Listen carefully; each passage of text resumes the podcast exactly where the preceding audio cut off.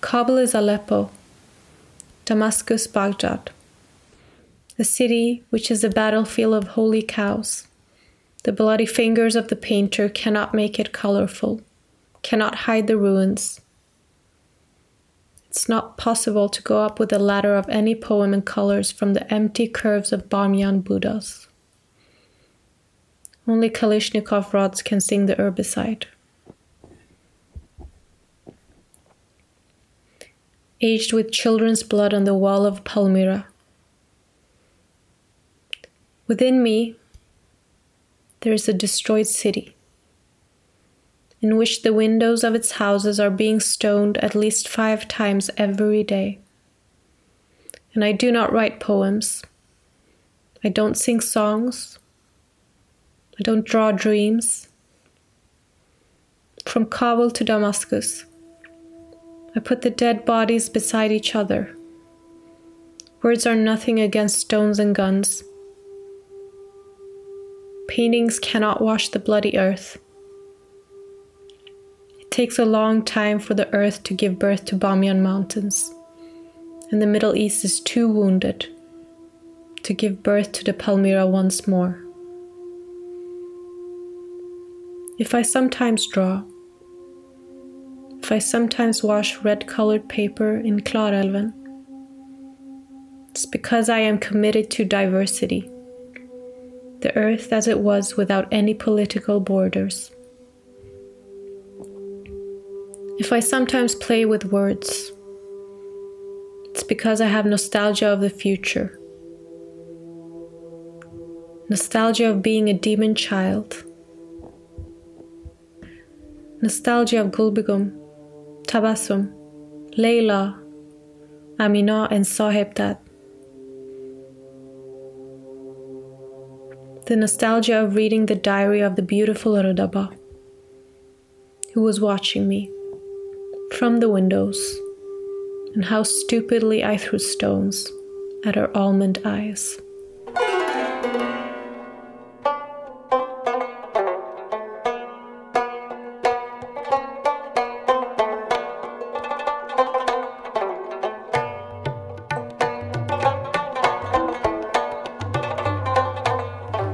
This is Clandestino podcast from Gothenburg, Sweden.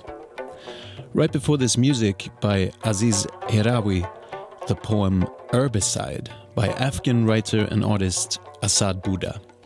It was read by Mia Herman, who also conducted the interview you're about to hear, recorded in conjunction with a poetry event arranged by Clandestino Institute in the spring of 2021. Asad Buda will talk more about what he means by the term urbicide, but first, some background.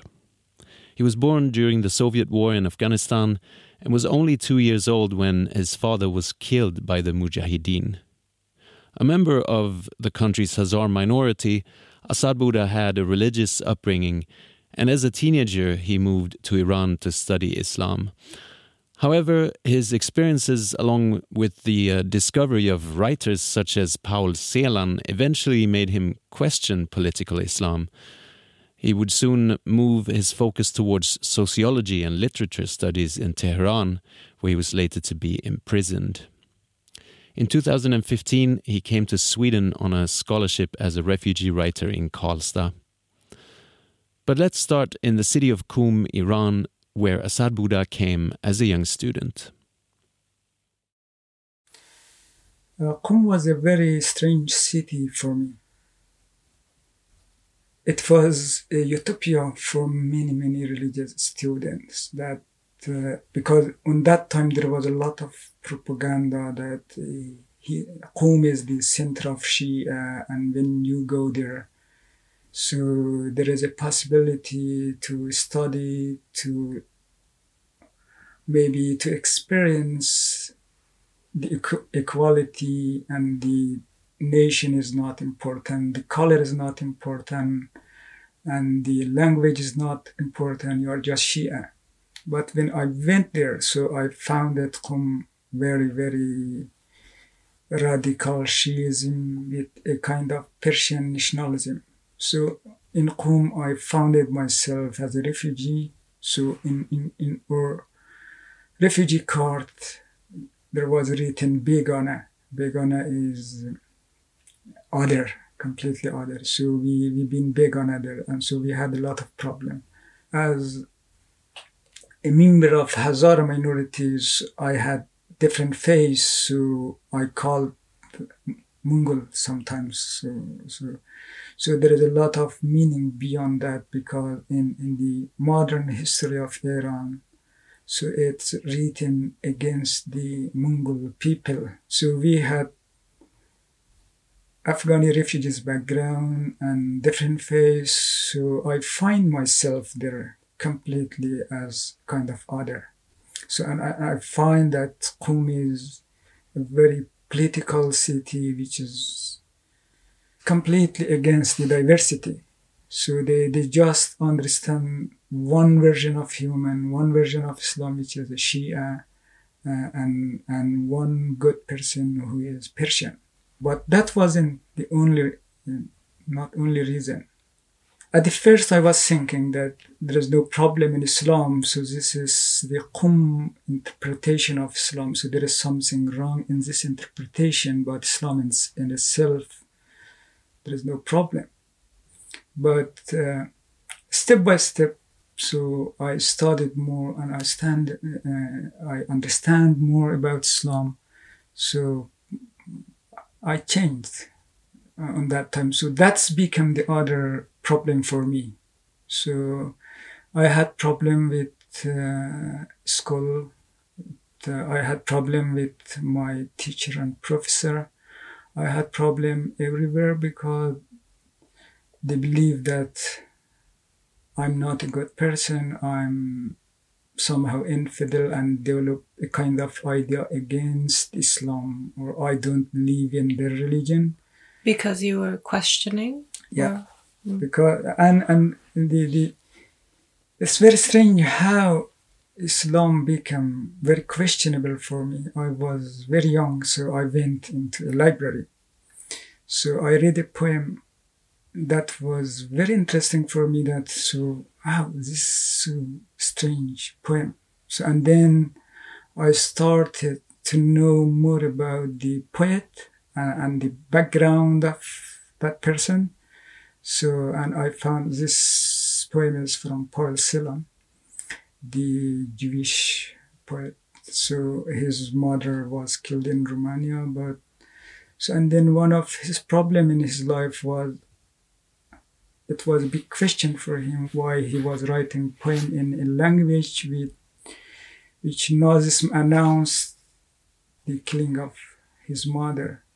So, and then it's come in my mind. So, why I'm believing religion, which 62 percentage of our people killed by order of this religion.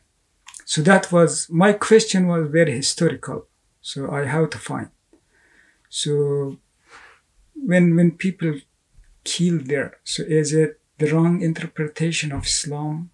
So the king misused Islam or there is something in Islam?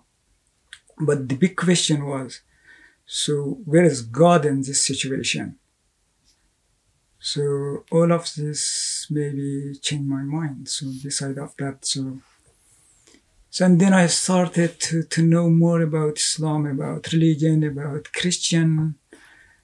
Uh, so to find a way, because still I was believer and so I believed in God and maybe there is something. But finally, uh, so I think they've been right because I really become unbeliever there. So and then they decide to suspend my document there. So you have no right to continue your education, but uh, you also cannot go into other city. So you have to wait that what they decide, what they want to decide about you. So, and I got a letter one day that you for this nine reason you are infidel and you have to execute. So, Sorry, did you say you have to be executed? Uh, yeah, execute. So it was their letter. So because about 33 student and mullah. So they signed a letter, letter that I'm not believe in, in God and in religion. So as as a person who is studying in religious school, so I have to be excused.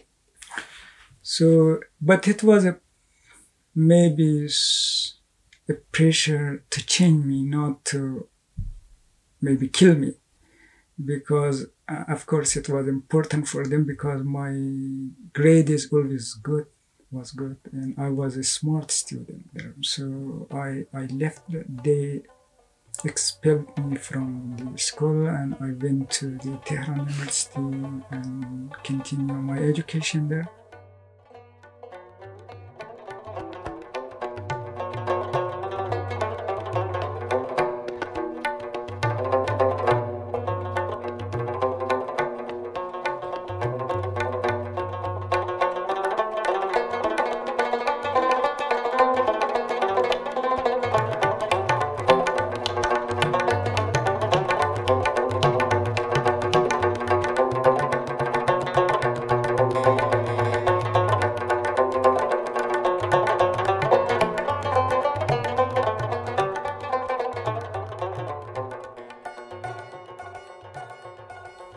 After introducing with Pavel Celan, the Auschwitz, Auschwitz literature became very, very important for me, partially because of it was related to maybe the most uh, tragic part of human history, but at the same time, it was helpful to understand the Hazaras history better.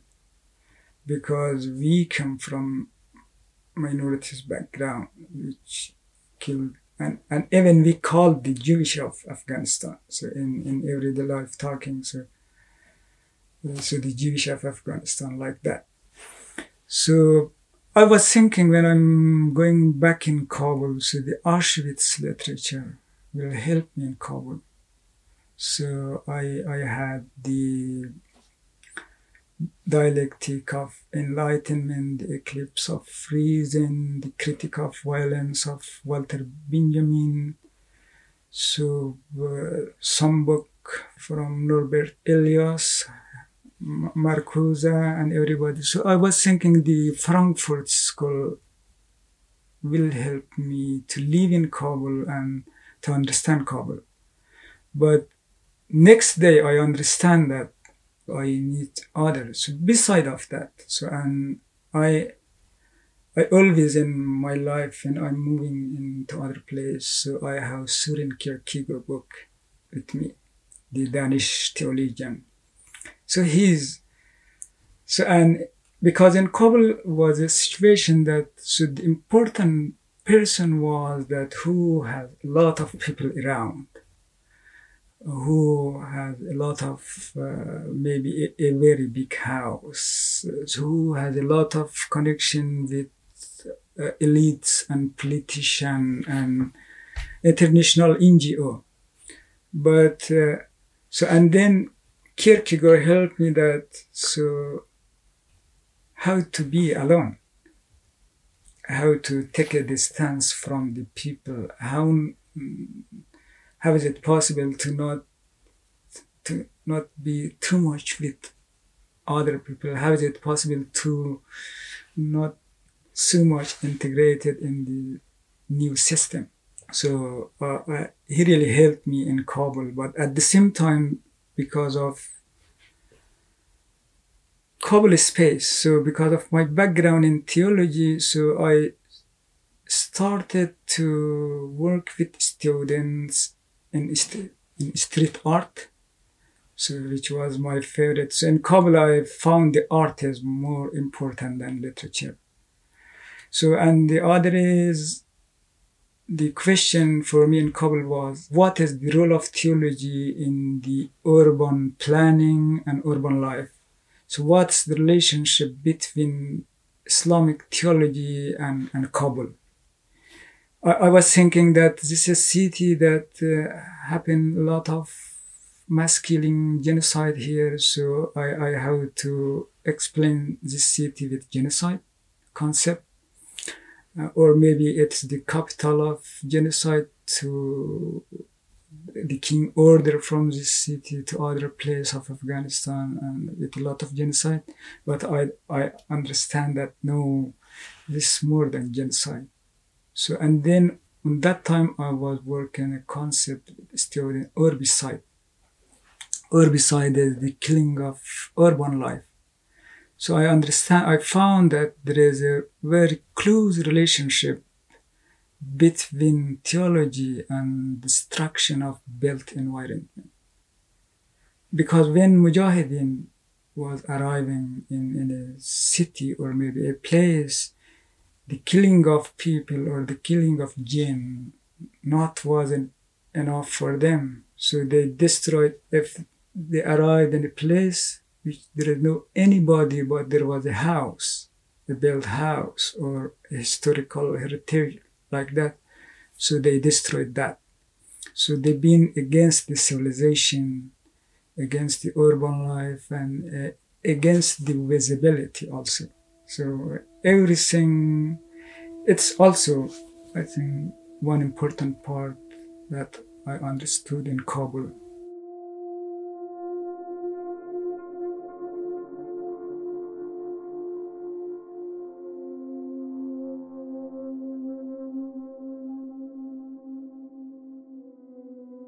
When I was born, I was rejected by my father, who accused me being a demon child, abandoned me on the top of Alborz mountain. When I came back to Kabul, they taught me how to throw stones at the windows, at birds, cats, flaneurs, and strangers, at the eyes of the beautiful Rudaba who's watching me with love from behind the windows. To become an expert and learn the latest techniques of killing cities, they sent me to religious schools. In my school book, T was for terror, B for bomb and bullets, K for Kalashnikov and killing of the city, G for gun and genocide. R for rocket. M for Muhammad Mujahideen mother bomb missile and massacre. I learned the alphabet, the taste of paradise angel's breasts, who's flying in the sky of our muddy schools. I read a holy book with the taste of thousands of imaginary naked women I swam across the rivers of wine and milk, smoked hash with God and prophets. It was possible to have all these blessings if I could destroy cities and kill humanity in my mind and to remove love from my heart. Genocide was not enough. My duty was to kill the built environment. I destroyed Kabul and Bamiyan many times in my imagination almost in every line of the Quran.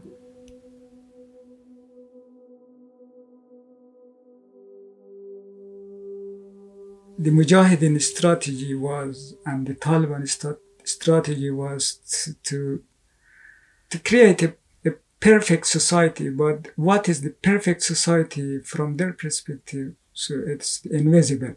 So because of that, they destroyed buildings, they destroyed uh, cultural heritage, they hide women under cover, they kill minorities because they are visible. So when there is different colors, so different different face, a kind of invisibility. So they've been against that.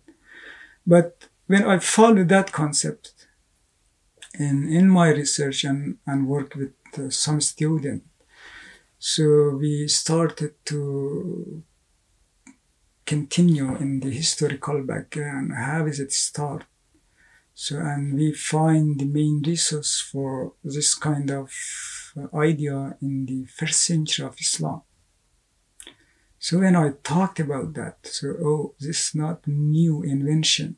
So this historical, it has very, very long historical background.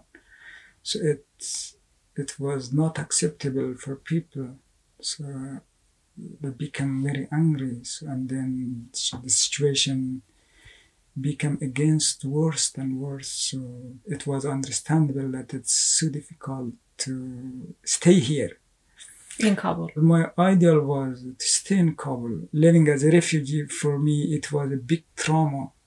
And I didn't like to, to become again refugee. And I was thinking Kabul is a place I have a connection with young artists and with young students.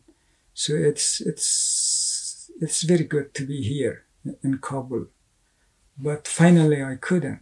So uh, it's become a lot of rumors that I'm a bad person and students who are friends with me or maybe I'm working with them so they they missed their feast Islam like that. So the situation really became difficult.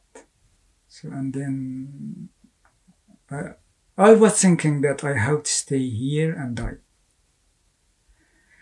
Maybe the good explanation for the situation is to be killed, so I have to stay here. Uh, but I have some friend around, so they really become angry.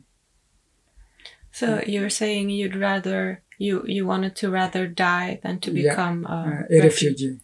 So still, uh, I'm I'm feeling sometimes I'm feeling I'm not feeling good because if everybody go from a city to other place, of course, uh, being refugee is a right for everybody, say human right, but that's not. Sometimes that's not a solution because if everybody go from the cities and then nobody there's nobody to stay against the extremists and so. But so and then i had a lot of friends and that's you know so they told you how to move and you always it's always possibility to return back and die but uh, and there is less possibility to to go and to be alive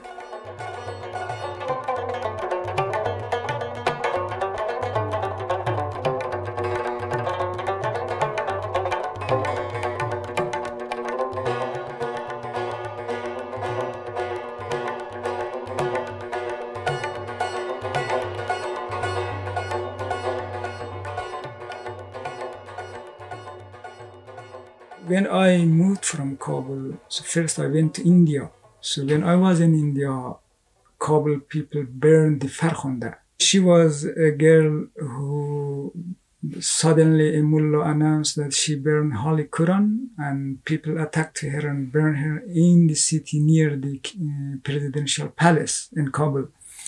But I, I got a lot of letter from my friend when we are watching her video. So after three seconds, your face appear from Farkhunda in front of our eyes because you are the character that burned in Kabul by people. So it is good that you escape of Kabul. So uh, she was a picture of me. She was remembered me that these people one day attacked your house and maybe stoning you and kill you like that and even in, in social media. So I was thinking, oh, this my friends, it's, it's their illusion and this is their imagination that's not related to me. But so and in, in, in the social media, so many people wish that, oh, so the real infidel was Assad.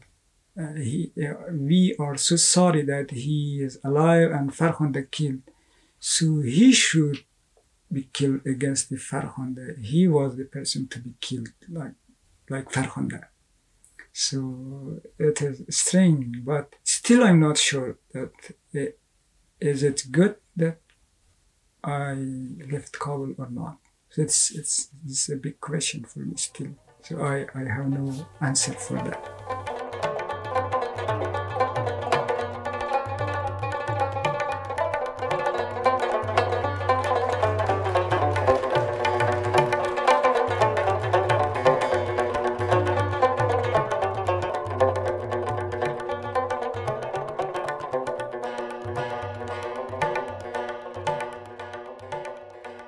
Asad Buda was interviewed by Mia Herman.